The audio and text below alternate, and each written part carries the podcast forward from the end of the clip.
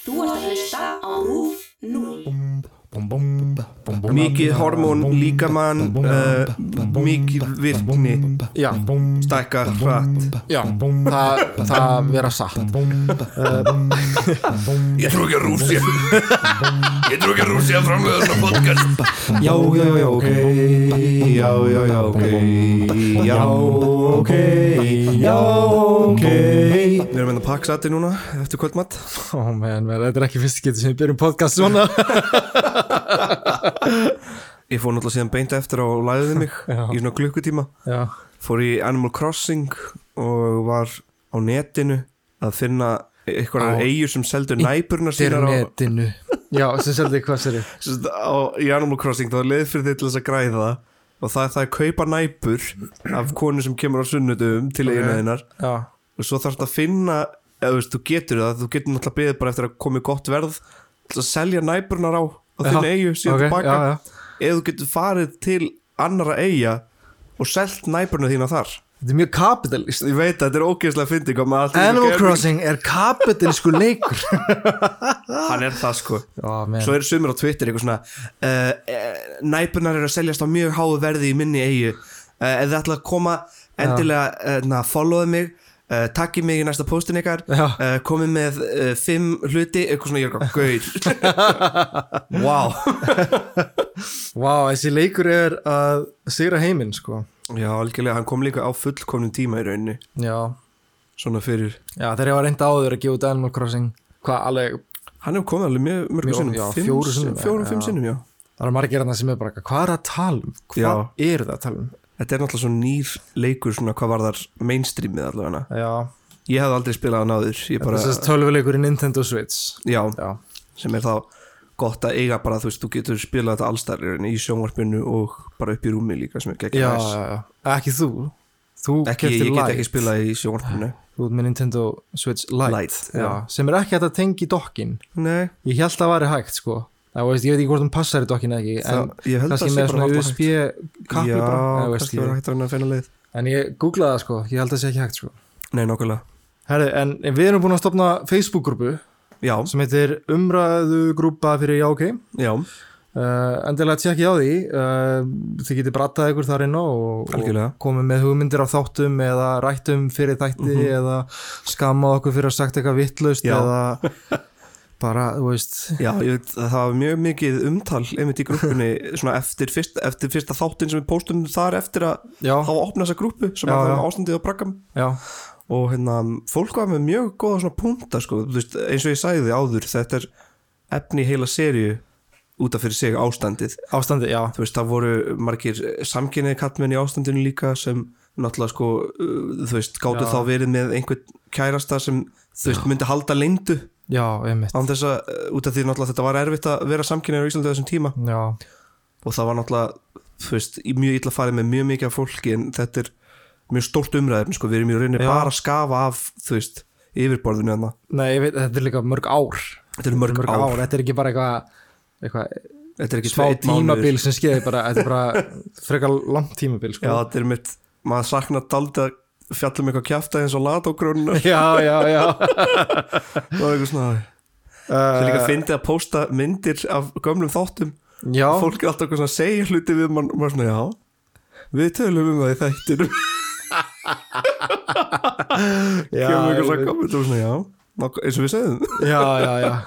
Setja það- mynda tímaflakkarum kemur komment, já tímaflakkarinn var með tölvuleikur, eitthvað svona maður er eitthvað, ég veit að við vorum að tala um það. En þetta er mjög skemmtileg grúpa svo við getum bara sett myndir þá svona stanslögt sko. Já, Það er já. yfirleitt þá, þá værum við bara í raunin að flotta hérna RÚF 0 Facebook profilin ef við værum bara alltaf að sitja þegar okkur sýndir sko, núna getum við bara smeltin bara albúm hvernig sem er og bara tala um eitthvað. Já, en það er líka bara gaman, þú veist, að því við náum kannski ekki endilega að tekja öll bóksin eða, þú veist, fara yfir allt einhvern veginn, þannig að það getur verið að einhverjarn úti sem vita eitthvað meira Já, geta farið inn á umræðu grúpu já ok, Fyrir Já, ok, og, já. fyrir já ok og hérna og Bara tala um skemmtilegir þátt. og bara eitthvað, já en hérna, ég verði að lagfara eitt hérna frá senasta þetti já, ég nefnilega sagði að myndin djöflaðigan væri eftir Baltasar. Ok, sorry, þetta er einhver meinloka hjá mér að halda að allt sem Balt hefur leikið í hafa leikstyrt líka. Já, við vorum alveg báðið bara já, að skauta fram í það ég, ég, fatta ekki neitt sko, auðvitað er þetta eftir Friðrik Þóra hann, að veginn Legend. handrit, og- já, Einar líka heitir hann sem skrifaði handriti með honum en, mm. En uh, Friðrik Þór Friðriksson leikstýrði þessari mynd. Og Baltasar leik bara í henni. Já. uh, já, þetta var lungu fyrr áður en Baltasar meilis Þetta var þegar Baltasar var mestmægnis bara leikari. Já, já, já, já, nákvæmlega. Já, en ég, mér langaði að gera eitt svona þátt sem var ekki alveg svona úst, heavy driven eins og eitthvað þorskastriðið eða Mm. eitthvað svona, en, en samt svolítið bara tengdur sögu íslensku þjóðurinnar Nákvæmlega. Og þegar kannski ég vantilega að sé hvað þátturinn heitir en það eru íslenskir sirkus listamenn Mhm. uh, sko, sirkus á Íslandi þá er ég ekki að tala um alþingi. Þetta var hræðilegt. Það var einhver, það er einn manneska sem var að hlusta á þáttu og var bara, já, þetta er satt. Já, En nei, svo manneska var líklega til þess að ekki fíla þennan þátt. Já, öruglega uh, nei, sorry, ok, Sirkus Ísland um, þetta er alltaf ekki eitthvað gamalt fyrirbæri. Um, Sirkus Ísland var stopnað árið 2007 Já, í kreppunni. Já, og alltaf góð tími til að byrja svona sirkus og burlesk Já, og já. allt það. Já, herri, það er reyndar alveg rétt sko. Mhm. Það er aldrei betri tími en í kreppum. Já, að koma er með þannig, já En þau hafa verið meðlimir sjálfstæðuleikur svona frá árunni 2009 mhm. Ég ætla ekki að fara að gera þátt eitthvað um, endilega um þau uh, en hins vegar langar mér að tala um sko Íslendinga sem hafa unni við Sirkus störf en það nær miklu lengra aftur í tíman heldur en Sirkus Ísland. Já, Það hefur aldrei verið einhver, einhver svona mikil sirkushefð á Íslandi en það hafa, veist, þá veist, margir erlendir sirkusar komið heimsótt Íslandaður já, uh, en þeir Íslandingar sem unnu við sirkusstörf á þessum tíma fóru öll erlendis alltaf að vinna já, já. Uh, og ég fann nokkra svona áhugaverða karaktera sem tengdust þessum yðnaði mikið mhm, og, og var svona þetta þeirra ævistarf. Íslenskir sirkuslistamenn. Yes, þetta er þeirra saga. Uh, sko, ok, ég ætla bara að byrja á hérna, byrjum bara fyrsta. Ólöf Sölvadóttir. Já. Hún ferðaðist til Vesturheims með föðu sínum Mhm. stjúpmöður og sískinum árið 1876 og byggu þau eitt ár uh, í nýja Íslandi í Kanada. Já, áður en þau fluttu svo til Winnipeg. Ok. Þar sem leiðir hennar og fjölskyldunar skildu. Uh, hún fekk svo vinnu við að þjóna til borðs og heimili annara konu. Uh, eitt kvöldu þegar húsegandin var ekki heima en það voru samt einhverju gestir við þá réttir einhver ókunnu kona henni peninga og þá áttaði Ólöf sig á einu. Henni hefði verið áframselt til þessara gesta og meðan húsegandin var ekki heima. Ólöf var nefnilega mjög klár kona og henni fannst að ef einhver ætti að græða á útliti hennar þá væri það hún. Og Ólöf var nefnilega bara 1 meter og 22 centimetrar Já, þú meinar. Já, hún var smávaksin Mm. kona. Þannig já, þetta var svona pínu svona dinner for smugs aðstæður hérna í gangi sko. Já, það er bara allt í hennu búið að ákvaða Já, Já. Svo hann sé bara einhvern hundur eða þú veist já, já, úsegandi var teknilega sé bara að selja hana áfram bara fyrir útliti uh, sem einhvers konar svona skemmtiatri Já, og hún alltaf bara seg, segir upp strax uh, og, og sóttu um í fjölleikahúsi. Og það sem hún fekk vinnu og, og var þetta sínis ásand öðru fólki sem taldist vera frá bröðið öðru fólki. Mhm fattur Já, einmitt. Um, Það náttúrulega hefur ekkert átt fa- falleg nöfni gegnum tíðina Nei, náttúrulega. Þetta var rosa mikið svona margir gerðu þetta náttúrulega að, að vinnunni sinni út af því kannski voru aðstæðu þannig að þú gast ekki unnið neinn staðar annar staðar út af því Já. þú yrði þá svo mikið fyrir barðun á öðru fólki. Já, innan sviga venjulegu fólki. Innan segja, já, einmitt. Já, uh, fljótlega fór Ólöf að halda fyrirlestra þar sem hún talaði um uppeldis og æsku ári sín á Grænlandi og, og bjóðum til sitt eigið listamannanafn en það var Ólöf Eskimói. Já, já, já, já, hún bjóða til sjálf.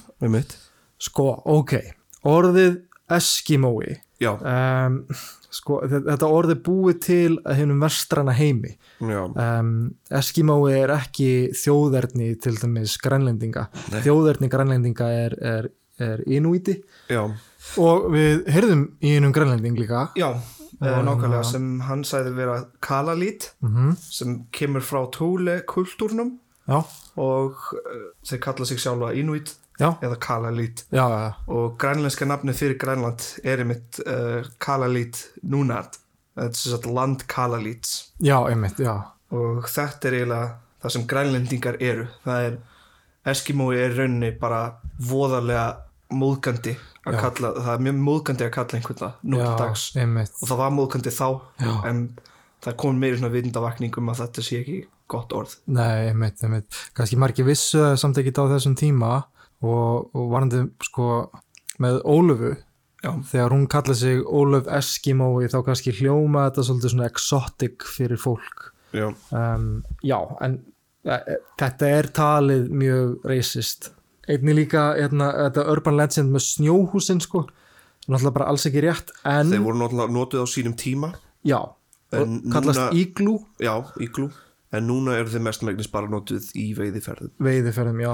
þetta var sagt, þú veist, þau voru alls konar uh, ég las til dæmis að ein útgáfan var veist, þetta voru svona eins og torfbær byggðir þannig og þetta er að utan með snjó sko. Já, þannig að, veist, að, að kuldin úti gæt náðalega upp í kannski mínus 45 gráður en inn í í Íglú. íglúinu var þá veist, hann gæti alveg farið mínus 7 upp í 16 gráður Celsius ba e- bara með líkamsið sko. já, já, já, þannig að það er já, við þurftum eiginlega að fara mjög mikið yfir þetta sko, til þess að okkur fannst einmitt uh, Eskimói vera skrítið orð til þess að nota. Já. við komumst að því þá að það sé sem sagt ekki orðið sem ætti að nota nei, nú til dags. Nei og er, ég, ég held líka að séu ekkert margir kannski sem svona viti þetta einhvern Nei, en við vissum það ekki beint sko, maður svona kannski hefur á tilfinningunni. Að maður fekk það í magan já, maður fekk það í maganum.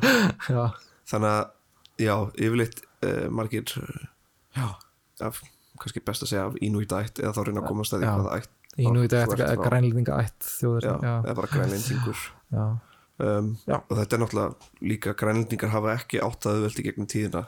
Nei, einmitt. Við það erum er- illa farið með það um Danir til dæmis og en þá með nú til það- dags þurfa þeir að sæta við marga með fullta fordómum? Já, ennþá Já. í Danmörku til dæmis. Já, algjörlega. Þannig að það er gott að taka það í huga. Já, og þá bara höldum við áfram mm og lætum vita að þetta er bara orðið sem var notað þessum tíma já, er ekki notað lengur. Nei. Nei.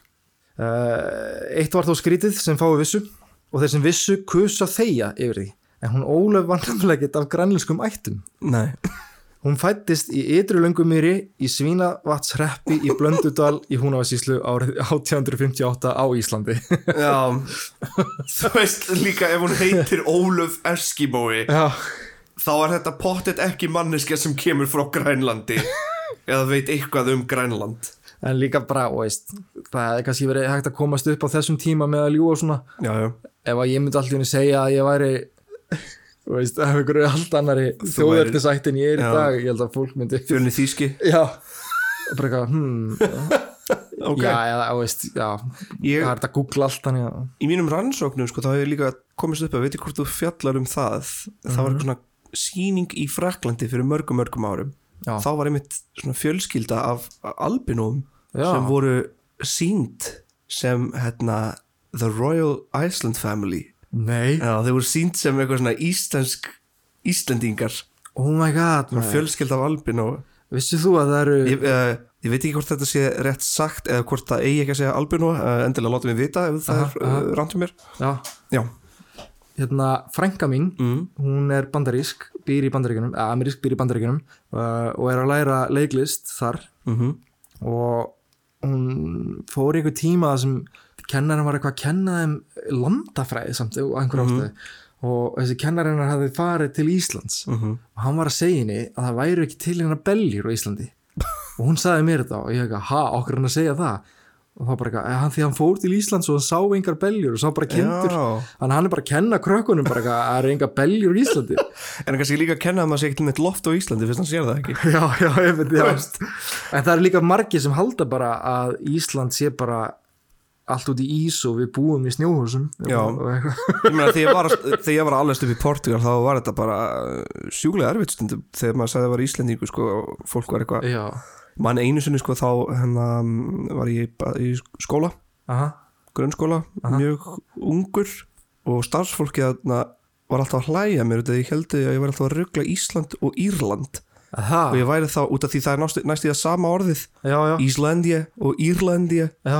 Þannig ég heldur bara að ég væri með eitthvað svona talgalla og væri alltaf að meina Írland og ég vissi ekkert betur. Og ég var alltaf eitthvað Ísland er til! Oh my god. Það var sjúklega erfitt. Við erum til!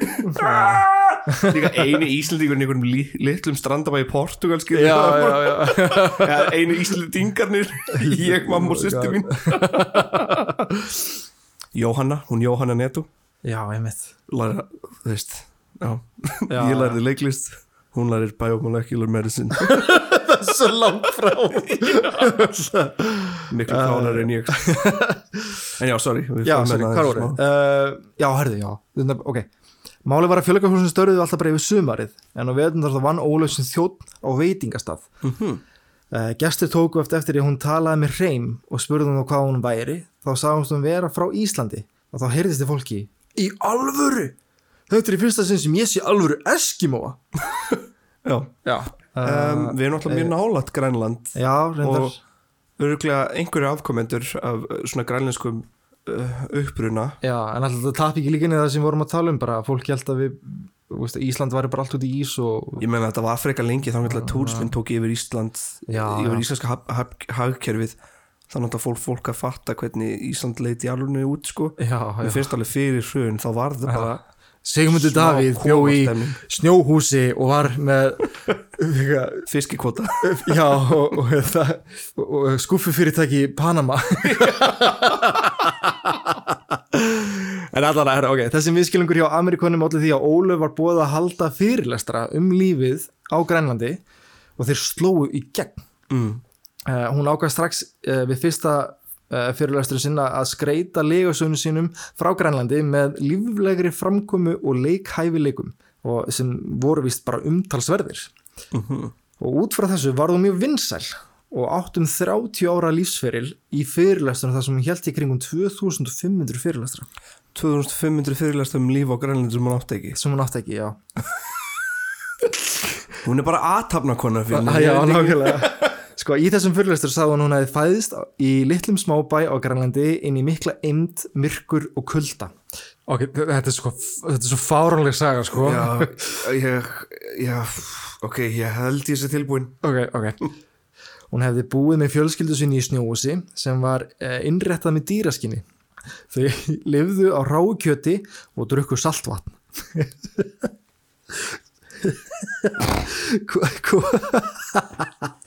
konurnar í bænum syndu engum heimilisverkum heldur sátu bara inni aðgerðalausar allan daginn, alla daga.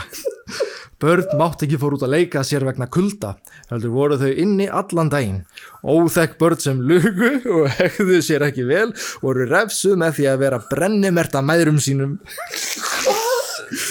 það er að li hún er bara að pakka öllum stereotypunum saman og finna upp á stereotypu líka með já, já, já Legar þekktust ekki þessum litla smábæ, og hún kynntist ekki legum fyrir hún flutt inn í hinn vestræna heim já, já, Einn dag strönduðu íslenski sjómenn og kvalviði skipiðu bæinn hennar og fengu þau að dvelja hjá þeim í nokkra daga. Það er eh, til þeir heldur áfram heimálið. Buðu þeir þó Ólufu og fjölskyldu hennar að slást í för með þeim sem þau þáðu. Um, þið haldi kannski að þau ferðuðist á skipi til Íslands, en nei, þau gengu yfir Íslagað hafið í marga daga þar til þau komu loks að Íslandi þar sem Ólöf dvaldi svo í nokkur tíma. Þannig segist hún hafa lært íslensku og fengi reymin sem hún var með. Mm. ég hef verið til í að labba til Grænlands með það. Já, er það ekki, yfir hafið. Já, yfir hafið þú ert svangur þá bara setur hól í miðuna Þeir sem voru að byrja að hlusta núna ég vil bara segja þessi, þetta er lögasugur þetta er allt lega sögur allt lögasugur Ólöf uh, sko, hún var alltaf svo fljót að svara um, ef hún var að spurða einhverju. Til dæmis sagði hún að, að á, í Grænlandi var hún frekar hávaksin uh, og þegar hún spurða okkur hún var með svona stuttar hendur þá svara hún að það væri út af því að hún, hún hefði alltaf þurft að setja með krosslagaðar hendur í skóla og það hefði hindrað eðlilegan vöxtunar um, já, býttu bara og sko, hérna kemur eitt enn fáránleira Ó, ég, fara, ég krinsa svo mikið sko. ok, býttu, býttu Ólöf var það vinsæl að frásagnar hennar voru notar í kennslubókum í skólum um grænlendinga. Nei Og hvað vandræðilegt Oh my god. Ólur Ég fór svona kjánasátt skæsað Ég er eitthvað svona shit. Já, já, já. Að vera bara á fullu hérna. Pælt í því maður. Óluf the scammer. Ólaf the scammer. Jésús Mér finnst það samt, þú veist, að megi samtalið spyrja sig um hvort að hún Ólaf hafi verið lígasjúk eða ekki. Uh, að því þó að margt sem hún sagði og, og gerði var rámt uh, og mjög reysist um, Mjög. mjög, já, en það má samt ekki gleyma að nefnilega á þessum tíma það voru konur ekkert með tjáningafrelsi og Nei. það var mjög óálgengt að konur uh, fengu að halda fyrirlestra. Já, um, hún Ólaf bjó alltaf, við sko, kúun vegna líkam hennar. Uh, og þetta gerfi sem hún setti sig í var svona eins og einhvers konar leið til að brjótast kannski út úr þessu. Um, og um leið hún setti orðið Eskimói fyrir aftan nafnið sitt uh, og talaði um sig frá grænlenskum ættum þá hætti fólk nefnilega að sjá hana sem smávaksna fólk var ekki að koma svo fyrir þess til að sjá hana per se heldur til að heyra sögunar hennar mm. og þannig að það má sérst, ég veit ekki, spyrja sig hvort að hugmyndir okkar um smávaxi fólk sé ekki kannski tengt menning, það sé menningar bundið einhvern veginn, Mm. fattar þau Já, um, já það Já. er svona ein hliðin á peningum líka, veist Mm.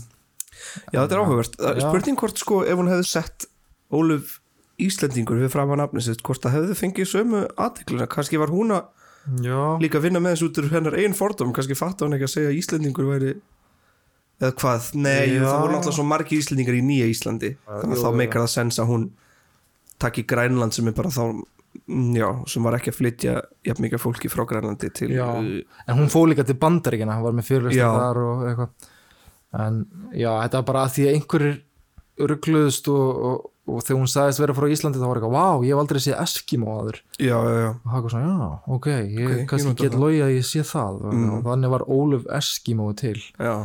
næsta persóna, Mm. það er hann Jóhann Pétursson, Jóhann K. Pétursson egni þekktur sem Jóhann Svarfdælingur einni þekktur sem Jóhann Risi Mm. mm, hann fættist á Dalvík 9. februar 1913 hann var þriðja part af nýju sem fóruðra segnuðust. Um, þið sem mistu kjálkan þarna uh, þá var mjög algengt í gamla að fólk egnaðist mikið af bönnum ég held að pappi átti Já. 11 sískinni sko, allsískinni já, já, eitt hálfsískinni, já, já, þú meinar. Já. Vá, það er, það er mikið, það er mikið. Það er svona, það er svona það eitthvað mikið, hostel bara já, já, já, já, já, ég líka, sko, ég var að horfa með pappa á sjónvarpið um daginn og það var eitthvað svona, eitthvað, eitthvað, hjælt á badni og var eitthvað svona að sína hvernig var hægt að eitthvað gera heimilisverkin með einni hendi og, Já. eitthvað svona, og pappi, og heyrist pappa eitthvað, "Heh, mamma mín átti nú 11 börn, Hvert getur nýtt patt kom. Já, já, það já. tjekka inn. Já, Þú verður að setja rúmfötin sjálfur hérna og... þau voru 11, já, sorry, hann átti 10 sískinni, þau voru 11, já, Dang. Uh, Bara kannski voru þau 12, fótboltalið. oh my god, fótboltalið í fjölskyldunni. Já. En það hefur líka alltaf verið rúgslag erfitt fyrir mig bara svona að- að að keep track of bara öll þessi fransískinu sem ég á sko. Mm. bara eitthvað, ok, risa fjölskylda sko. Já, ég veit, þú komst bara um daginn þannig að sjöfn væri frænkaðinn Sjöfn, já, en að Kærasta vinur okkar Tómasar, já. Já, sem við erum alltaf að tala um sem engin þekkir Ég þekkt hana, það var svo fyndið ég þekkt hana og svo mæti ég bara í hérna, svona létt, lítið ættamót og þar er hún bara. Eitthvað, What, hvað er þú að gera? Veist Ég er frænkaðinn, ó ah, ég- Jæja. Herru, ok, já, Ísland wow. Já, Um, Jóhann Já, já hann var þriðja barn- af nýju uh, Til að byrja með þá átti Jóhann mjög eðlilega æsku. Uh, þangar til hann var 15 ára þá allt í henni fór hann að taka svakan vakstakip þegar hann voru hann 17 ára þá var hann byrjar að fá bakverki og, og, og verki í liðina. Setna 20 ára flytur hann til Danmörkur og hitti taugasérfræðing sem heitir Knut Krabe Knud Krabba Knut Krabe uh, sem mældi hann og gerði á hann um rannsóknir. Jóhann mældist 2 metrar og 20 cm og 135 kíló. Ó, hann er samt ekki það þungur fyrir að vera 2 metra og 25 cm Já, hann er svipað þungur við 100, já. Heldum að Nei, nei, við erum ekki við erum Ekki, svona- ekki það þungi, nei. nei, nei. Svo grallar hann á drýðir Já, en já, þá er hann frekar svona grannur með að hann er hávaksin Já, já, hann var bara hann var, rosalega sterk byggður. Mm. að því sko, sko lengi var haldið að Jóhann væri með einhvern svona kvilla eins og ofvöxt. Ofvöxtur er nefnilega óeðurleg stækkun vissar hlutar beinagrindar einhverjum handa, arma, kjálka og brjóstkassa sem stafar af ofmyndum í vaksta hormónum og gerist á unglingsaldri eh, eða síðar. Mm. En Knut held ekki þar sem að líkamannis var allur í réttum hlutföllum. Mhm. og, og það voru ekki neginn merki um, um kynkirtla vannseikningu sem ávist að fylgja ofvöxti. Uh, kynkirtla vannseikning er sem sagt minguð starfsemi isna og, eða eggjastokka. Einhverjum uh, minguð hormónaseikning Vá, ég veit ekki eins og hvað ég var að eitthvað segja með hormóna sko. Og, uh, og mikið eitthvað læknið og, uh, mikið hormón líkamann uh, mikið virkni. Já, stækka hratt. Já, það, það vera satt. Uh, Ég trú ekki að Rússia. Ég trú ekki að Rússia framlega svona podcast. Mikið, koma Ísland Mikið, segja mikið. bless. Af hverju segja mörg orð þegar lítil orð duga. Brettar koma mikið mikið. Það var mikið mikið. Bang bang pá þetta er nú meira ruglið. Uh, Býtu nú við, hvað var ég? Já, eina sem Knut gætt fundið að innan gæsalappa um, var að eitthvað sem kallast Tyrkja söðull uh, og er partur af flegi beini sem er bein sem myndar framhluta kúpubotts í höfukúpun okkar.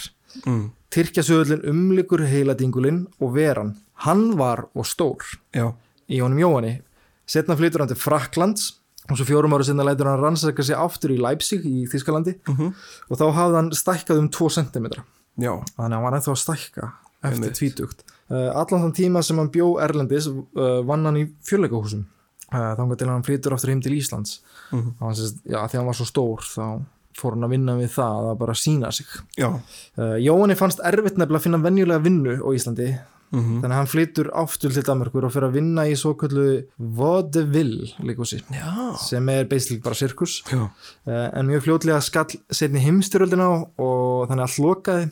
Uh, hann hjælti sér þó í Danmarku yfir stríðið og vann í danska slippunum það fór vist mjög illa með hann af því að hann, hann fann ekki að gæti ekki fengið stígvél sem pössuð á hann eða skófatnað. Já, meina og þetta er eiginlega svona hann talaði um að þetta hefði skemmt á sér lappirnar. Já, uh, og hann, öðruglega sko, þetta er líka viðkvæmi líka maður, þegar maður Já. er svona hávaksin sko, þá þarf maður að vera bara með allt eh, allt svona tip-top dæmi sko, eins og tip-top skó og meira hnélífar Já. ef þú getur einhvern veginn að því hnén gefast svo auðvöldlega liðinir, já, Já. og allt þetta, já, nákvæmlega. Um, sko, hann var þá þú veist, hann var alltaf að reyna að komast heim á klakkan mm en út af þessu veikindum þá komst hann ekki. Já, já, um, en svo loksins komst hann heim eftir stríðið og í mæ 1945 fer strax að leita sér að vinnu en því mjög þá var bara lítið að gera fyrir svona stóran mann.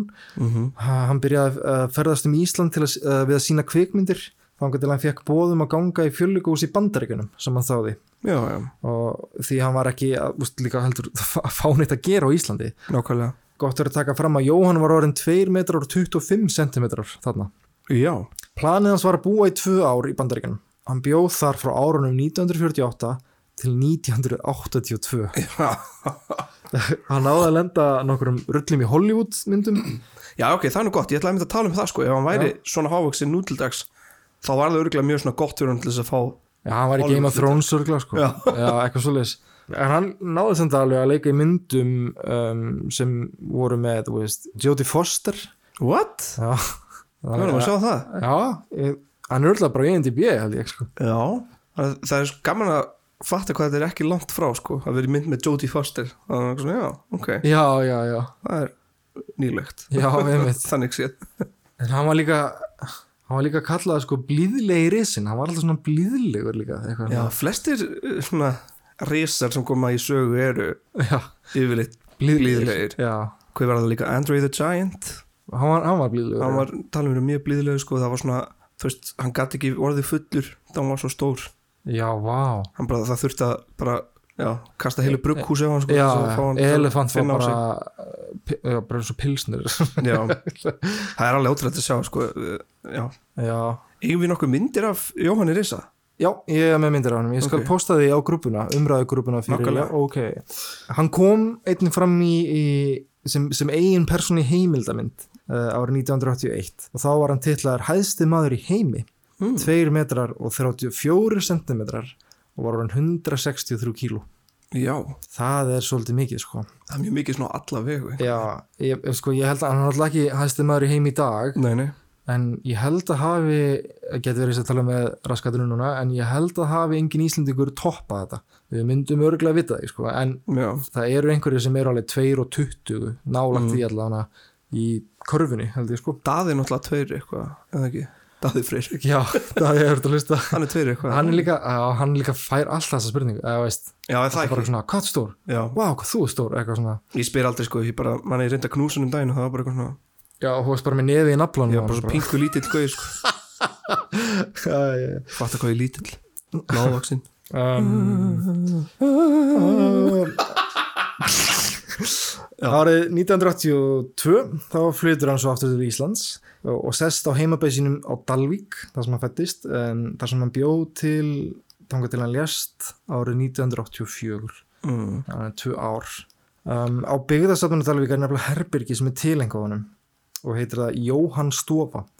Og þar er þetta máta eftirlingu af skonnum hans en þeir voru nummer 62 Ó, já, við verðum að fara að kíka þessi söp sem við tölum um já, Við erum alveg með nóg mikið söpnum bara til að gera sumaþætti já ég fór þangað sko mm. með ömmu þegar ég var svona 5 ára Já, og þetta setur í mér, ég bara man eftir skónum sko. já, risa stóri skór sko. já uh, já, hann alltaf þurfti alltaf að láta sér sauma og sér smíða allt á sig sko. mm. ég meira þess að, og veist, að því hann talar um í einhverju viðtali að svo lengi í bandaríkjum þá var hann að tala um skóstarð sína og hann þá sagði hann að hún var nummer 20 eitthvað, eitthvað hmm. Þá var hann að tala um bandaríska starf Já, ameríska já, starf já. Og ég fór á Google og var eitthvað að reyna að finna hvað þetta væri í, í Evrópu. Mm. en töluna ná ekki svona Já, það ná bara upp í 50 eða eitthvað, svo bara stoppar þetta. Það er bara engin með starri lappir. Já. Uh, Jóhann talar um í viðtalinu líka að hann hafi nú ekki fundist sirkuslífi gaman. Þá var vinnan hans basically starðin hans. Já, fólk var að koma og borga pening til að sjá hann. Um, hann var einn af svona sýningagripunum ómerkilegt og óverðulegt var hans sögn á þessari vinnu. En því miður þá bara var lífið þannig að, að það var bara lítið annað að gera fyrir hann. Nákvæmlega. Sennilega kannski eitthvað út af einhverju fordómum en svo var líka bara mjög erfitt fyrir hann að fá einmitt vinnuföt og, og, og skóla sem passaði á hann sko. Já, ég get ímyndað mér að það sé líka erfitt að rætta vinnufötum Já, og taka vakt á búlunni. Já, eitthvað. Það er ógslag að fyndið að það eru mymbönd á hann á YouTube. Mm. og skrifið bara etna, Jóhann Pétursson og veist, hann er að labba í gegnum dyr og eitthvað, hann er alltaf að beigja sig undir Já, allt, og allt og lítið fyrir hann sko. Samt er röglega ekki að fara á tónleika. Já, bara eitthvað. Allir náðunum allir samt okkur pyrraði sko. líka úti alltaf. Oh. já, já, Ég man eins og sko ég og stendur fyrir ljósun eitthvað alltaf skuggja honum upp á svið Færðu þig. En það, ég man, ég og Atli vinnu minn, vorum á hróaskjaldinu sinni. Já, og við ætlum að sjá Future Islands. Já, og uh, við sem sagt, vorum komin frekar seint og vorum að koma að öðrum tónleikum. Aha. Og förum og þannig að erum á leiðinni og svona tveir uh, hávaksni danir komið fyrir framann okkur. Já, og við svona reynum að komast eitthvað fyrir nálægt. Ok, en þá er sko beint fyrir aftan þessum hávaksnum dönum já. svona lítil svona, hvað það, svona lítil hóla sem þið stóðu honi í? Já, sem við stóðum honi, þannig að ég og Atli við erum svona 1.70 og eitthvað á hæð Aha. rosa 1.72, 73 aha, aha. Og þetta er náttúrulega danir sem eru bara, þú veist danastærð, sem er bara 2 ein- metrar eða eitthvað. já, 1.90 og við, við svona, ég pikkaði í það ég var eitthvað svona, guys, is it okay if we switch places so we can see and you can see? Já, og hvernig bara, no horfðum bara áfram. Ég er bara, er allir, ég er búin að sjá Future Islands svona þrís og ég ætla ekki að fara á þess að tónleika. Já, what? bara, nei. Já, hann sagði bara, no. Og snýrði sér við, wow, maður mér er aldrei liðið sko, þá leið mér, það, lí, þá leið mér litlu sko líkamlega og andlega. Já, æ. Lítið lífið í einhverju hólu eitthvað. Lítill lýsir í hólu Ef ekki bara vinda ykkur í næsta? Já, Nei, já, já, let's go. Baldur og Konni uh, Já, sorry, þeir eru eiginlega tveir uh, okay, sko. Baldur og Konni voru gríðalega vinsalir frá árunum 1945 til 64 Baldur Georg Takas. Takas. Já, T-A-K-A-C-S Takás Já, Það hljómar eins og svona Þýskt, eða- Mér finnst það hljóma ungverst. Ungverst, já. Við vorum alltaf með uh, ungverskan kennar og var svona, að þetta SZ er mjög oft saman í ungversku. Já, já, Ég hef náttúrulega Eða farið CS. tvisvar til Budapest. Já, uh, ZS já. líka. Já, já, líka, já. Uh, Já, ég, sorry, ég bara veit ekki en, Nei, en, nei. Uh, hann var náttúrulega Íslendingur sko en hann geti að vera ættum eftir nafnið, já. Já, já uh, Já, hann, Baldur, hann var þýðandi, kennari, töframöður og búktalari Mm. og, það, og, og hann leik með leikbrúðinu Konna af mikill list, það Já. kemur Konni sko, hann var Konni og brúða. Já, ég held að Baldur og Konni var eitthvað tvíbragengi sem væri eitthvað svona spúa eldi eða eitthvað. Já, já, Baldur og Konni, drekanir. Já. Alltaf þetta, ég elskar að gera það. Alltaf vorum að fótbolta.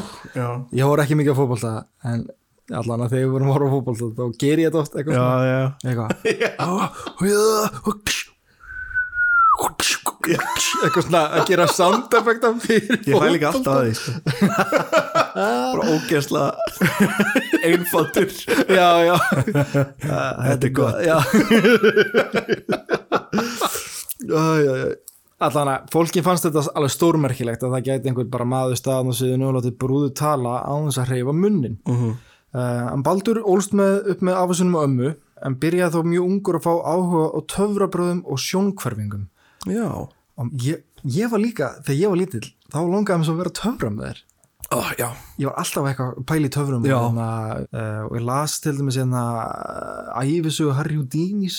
Já. Sem by the way, hann Jóhann Risi sem við tölum um áðan mhm. hann síndi í einhverju fjöleikahúsi sem Mhm. var sama fjöleikahús og Harry Houdini kom fram Já, ég veit ekki hvort það hefði hist ég man ekki upp á hvaða tíma Harry Houdini var en, en þetta var allan að þið voru allan voru já, báðir á einhverjum tíma tímapunkti. kannski hittust þér, ég veit það ekki. Kannski hittust þeir.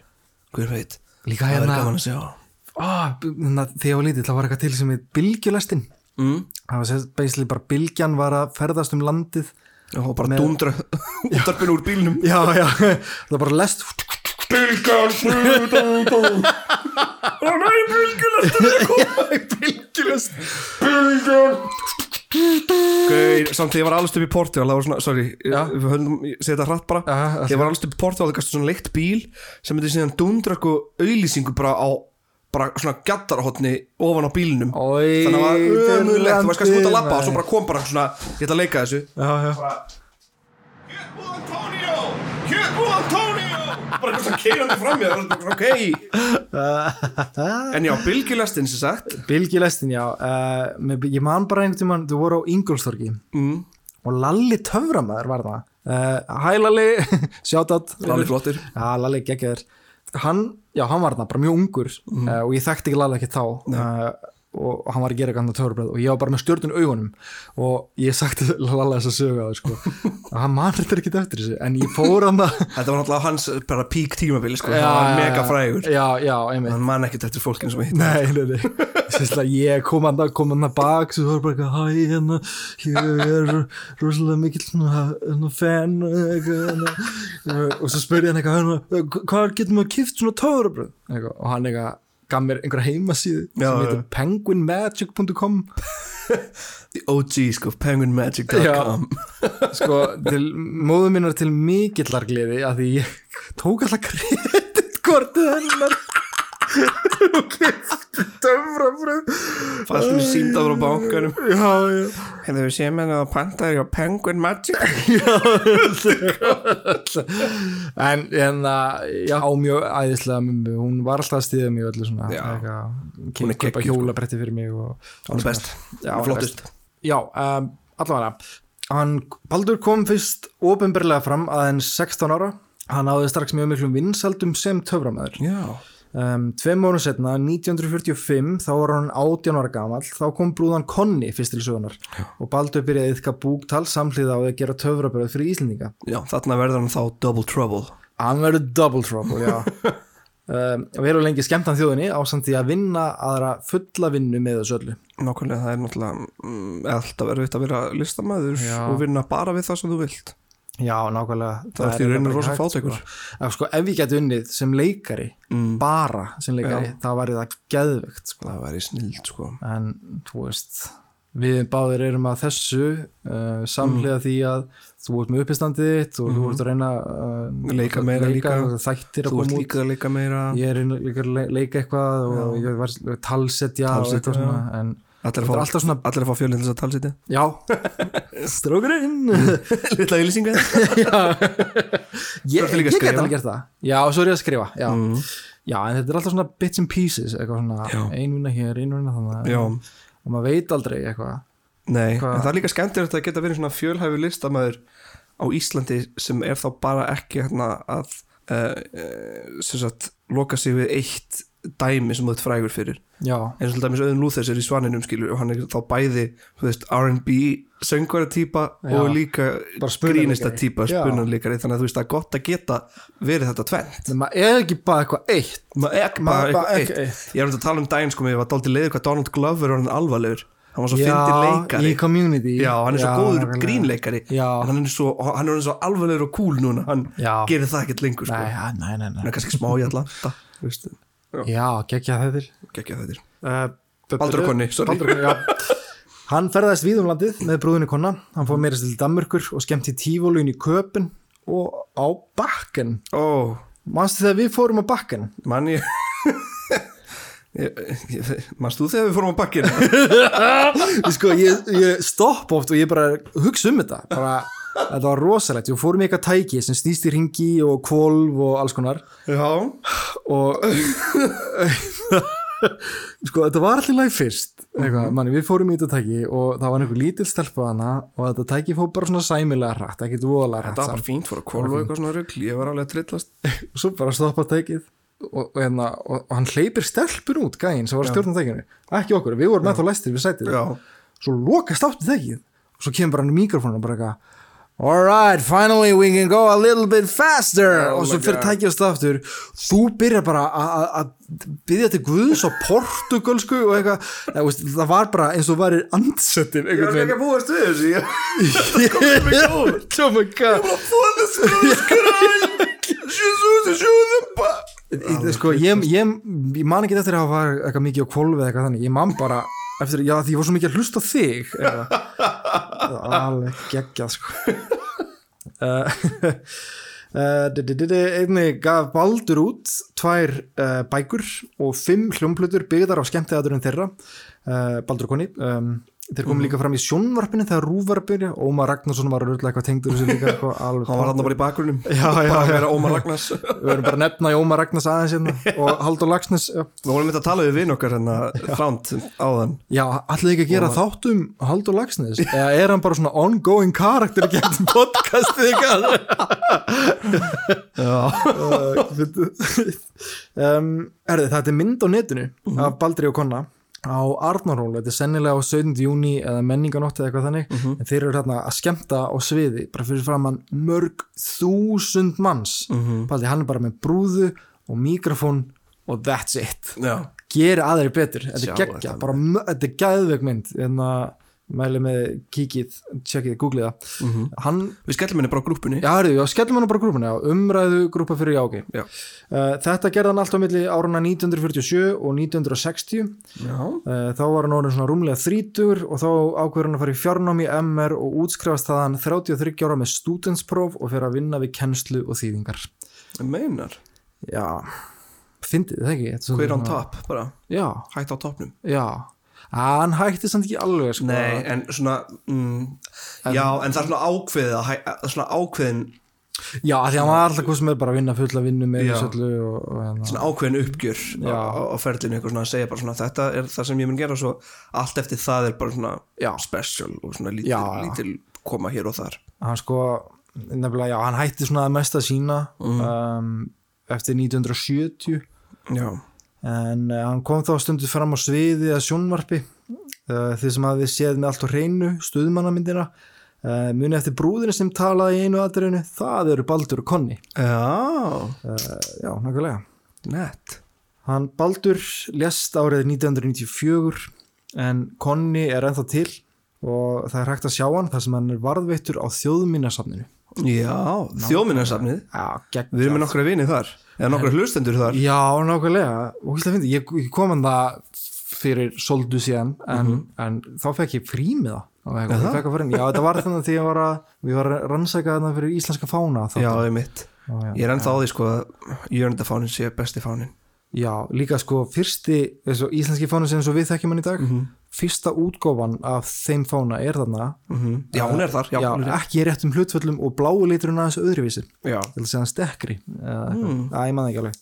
Já svo, já. ég þarf kannski að hlusta á þáttinu okkar. Það verður gaman að sjá einhverja teikningu eftir hann Jörund. Já, já.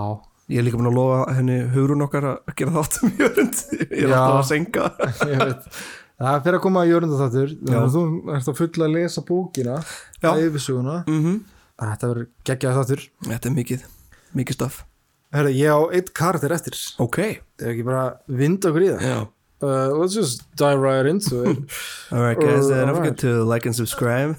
Herðu, talandi um það. Já. Ef við ekki að gera eitt svona live þátt stríma einum þætti Já. á Facebook eða eitthvað. Jú, ef fólk, ef fólk líst vel á hugmyndinni sko, þá algjörlega, þá reynum við að þetta er samt þáttu sem færi á Spotify og, Já, já, og, og Roof eða spilarann og algjörlega, algjörlega. Já. Það er gaman að setja hann upp í einhverju safni kannski þjóðminnisafni eða eitthvað. Já, já, já, já, algjörlega. Mér langar að gera þátt á Holmæk Galdrasafninu Holmæk Já, við getum tekið þáttinn þar Galdrasafni, sko. Geggjasafn Sjárat Herra, ok, senasti kardirinn uh, Jóhannes Jósefsson. Hann er fættur árið 1883 á Akureyri. Já, Hann var íslenskur glímukappi, tók þátt í sumarolimpíuleikunum árið 1908 þar sem hann kefti í grísk-rómverskri glímu fyrir hönd Danmörkur. já, En það sem hann gerði þó mest af var að ferðast til Evrópu og Bandaríkin og sína glímu í fjölleikahúsum. nettur Hella nettur. hann er líka fyrsti íslenski sirkuslistamæðurinn. Já, Þetta las ég bara á netinu og netið lígur ekki. er ósamara, komið hingað, banki uppi hjá okkur á tjarnagötunni Já. og reyna að segja okkur á eitthvað öðruvísi. Já, eða aðtið ykkur á umræðugrúpuna fyrir já ok á Facebook og lifrið okkur þar. Her, uh, hann ferðast alltaf með fjölskyldurinn sinni konan hans Karolína Guðlaugsdóttir og dæturum Hekla og Daisy Saga. Þau byggu á hótelum í því landi sem þau ferðuðust til uh, Jóhannes sá um að glíma og Karolína sá um búningana og peningana. Og peningana. já, sko, hann Jóhannes er fyrst nefnilega svolítið gaman að spila póker. Akkur finnst mér alltaf grallara þegar einhverju kalla að spila póker. Mér finnst alltaf svona grallara múf. Eitthvað svona, grallari. Spila póker. En út af því að honum fannst það gaman mm þá faldi Karolin alltaf peningan hans í brjósthaldurinn sínum. Hún myndi ekki bara gamla allan peningin í burtu. Það má segja að Jóhannes hafi kynnt heiminum fyrir íslenskri glímu. Nett, það er mjög Eh, gott það er mjög cool það er sagt að glíman hjá Jóhannesi hafa alltaf verið svona hápunktur í sirkusýningum hann hafi getað fleikt að sér þremur stórum mönnum vopnaðir nýfum og byssum. God dang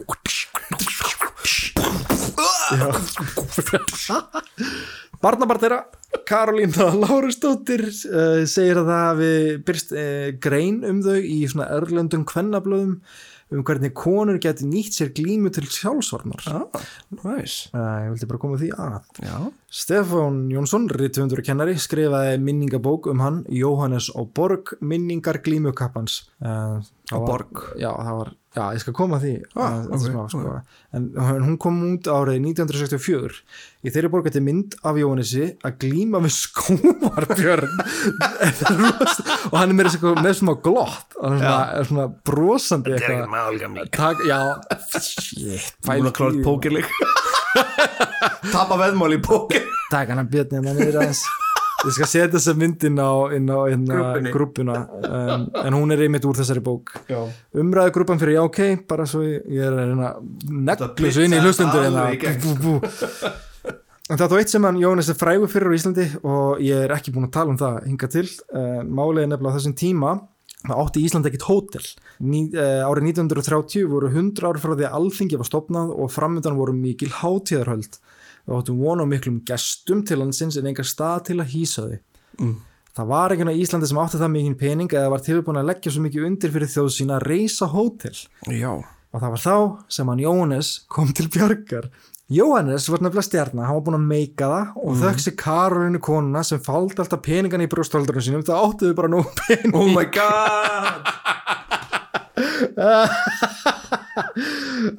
Hún er meistari sko. Já, þetta er eiginlega svolítið henni að þakka. Vel gert. Uh, Hann gaf þjóðinni 1,3 miljónir króna til byggingar hótels sem fekk svo nafnið Hótel Borg. Oh, holy smoke samt 1,3 miljón Já, sko, hva, Hvaða ár er þetta?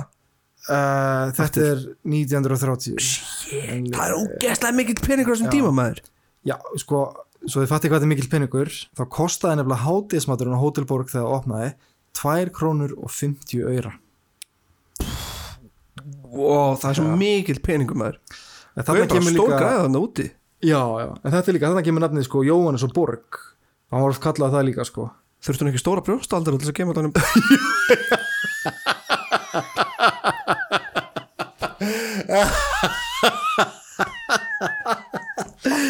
Það er svo mikið samkomi bara Við erum að steikjast hérna að vera alltaf inni maður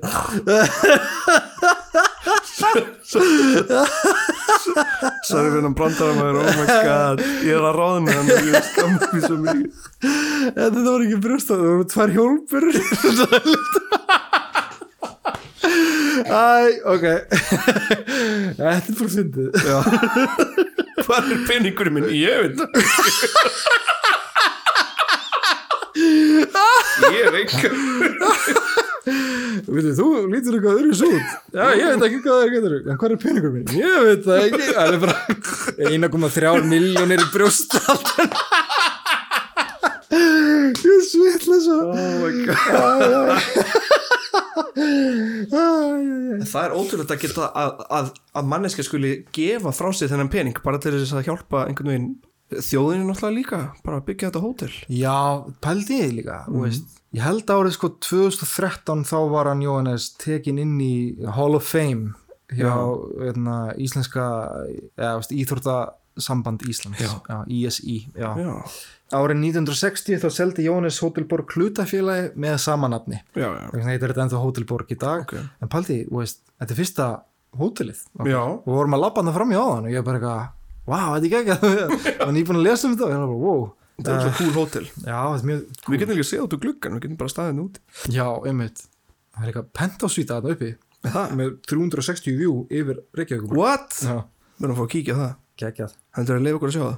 Já, Nú erum við myndið fyrir hlaða upp í OK jú, kannski Hvaða hlaða upp sagðir? Hvað Hvað? OK bless? Hver eru þið? Fjölnir á villi? Fjölnir, hvað, drullir ykkur út? Ok, takk fyrir Já, Herra, já, eh, ég verð samt að segja líka en að margar heimildir sem ég fekk fyrir uh, þetta hlaðvarp sem vorum að gera núna mm er tekið af lemurun.is Já, geggjus í það Geggju síða, já, uh, og greinin heitir Íslenskur sirkuslistamaður bjargaði sóma lands og þjóðar og er eftir Margréti Erlu Mokk. Magga Mokk. Já, já, hún er sjátat, sko. Hún, Hún er er bara. Já, nákvæmlega, hún er mikill er ekki að kabarett og, Hún kann þetta sko. Já, hún kannar það með Ég mæli með að fólk þegar það kemst loksins í einhverju sýningar sko að það reynir svona að styðja hluti eins og kabarett og Sirkus Íslands Já, Og Dragsúr. Dragsúr, já, Hvaða fleiri svona sirkussýningar höfuð, hérna? Það er Sirkus Ísland, já. Að það er Sirkus Ísland og svo er kabarett Íslands ég held að það sé undir Sirkusinu. Þá er Já. þessu kabarett sýningar og svo er líka dragsúr með mismunandi sýningar. Já, einmitt. Um, þannig að það er bara hægt að tjekka á Facebook bara tjekka dragsúr Sirkus Ísland, Vesturport, já. Líka náttúrulega Improv Ísland. Improv Ísland, já. Allt svona Já, gott íslensk já. grín og líka Já. svona uppistandssýningar Já. með svona alls konar hópum eins og Vaffa.s Já, eins og fæðist, já. Og, og bara góðar líka. Finnustu mínar líka. Já, einmitt, já. Það eru mjög fyndnar ég, Já, já, það er mjög finnar það er alltaf svo ógeðslega fyndnar á mismunandi vegu. Já, já. Skilur svona, En það er mjög ég gott fæ svona geðhræringslátur af lógu, ég veit ekki af hverju. Já, já, já, já. ó, svona óutskilunlega fyndið. Og svo náttúrulega bara salka sjúklega nett og. Rebecca líka bara af fyndin. Endilega tjekkja á þeim, sko. Það eru geggjaðar, sko. Geggjaðar eru þau geggjað, Já, geggjað. Hvað, ég var að fara Ég var að reyna að gera eitthvað sirkus, dæmi? Herðu, ég gerum nú eitt sirkus bráðum daginn. Hvað? ég braut glas með röddinni. Já, alveg rétt. Pældi, ég. Held að þetta væri myth sko, en svo sá ég eitthvað svona eitthvað YouTube myndband eitthvað svona, þetta væri kannski hægt. Og ég eitthvað, að ég ætla að reyna það. Þetta tók mig þrjá daga, en mér tókst að brjóta kristallglas með röddinni. Já, þú varst líka svo peppar eftir ah, Já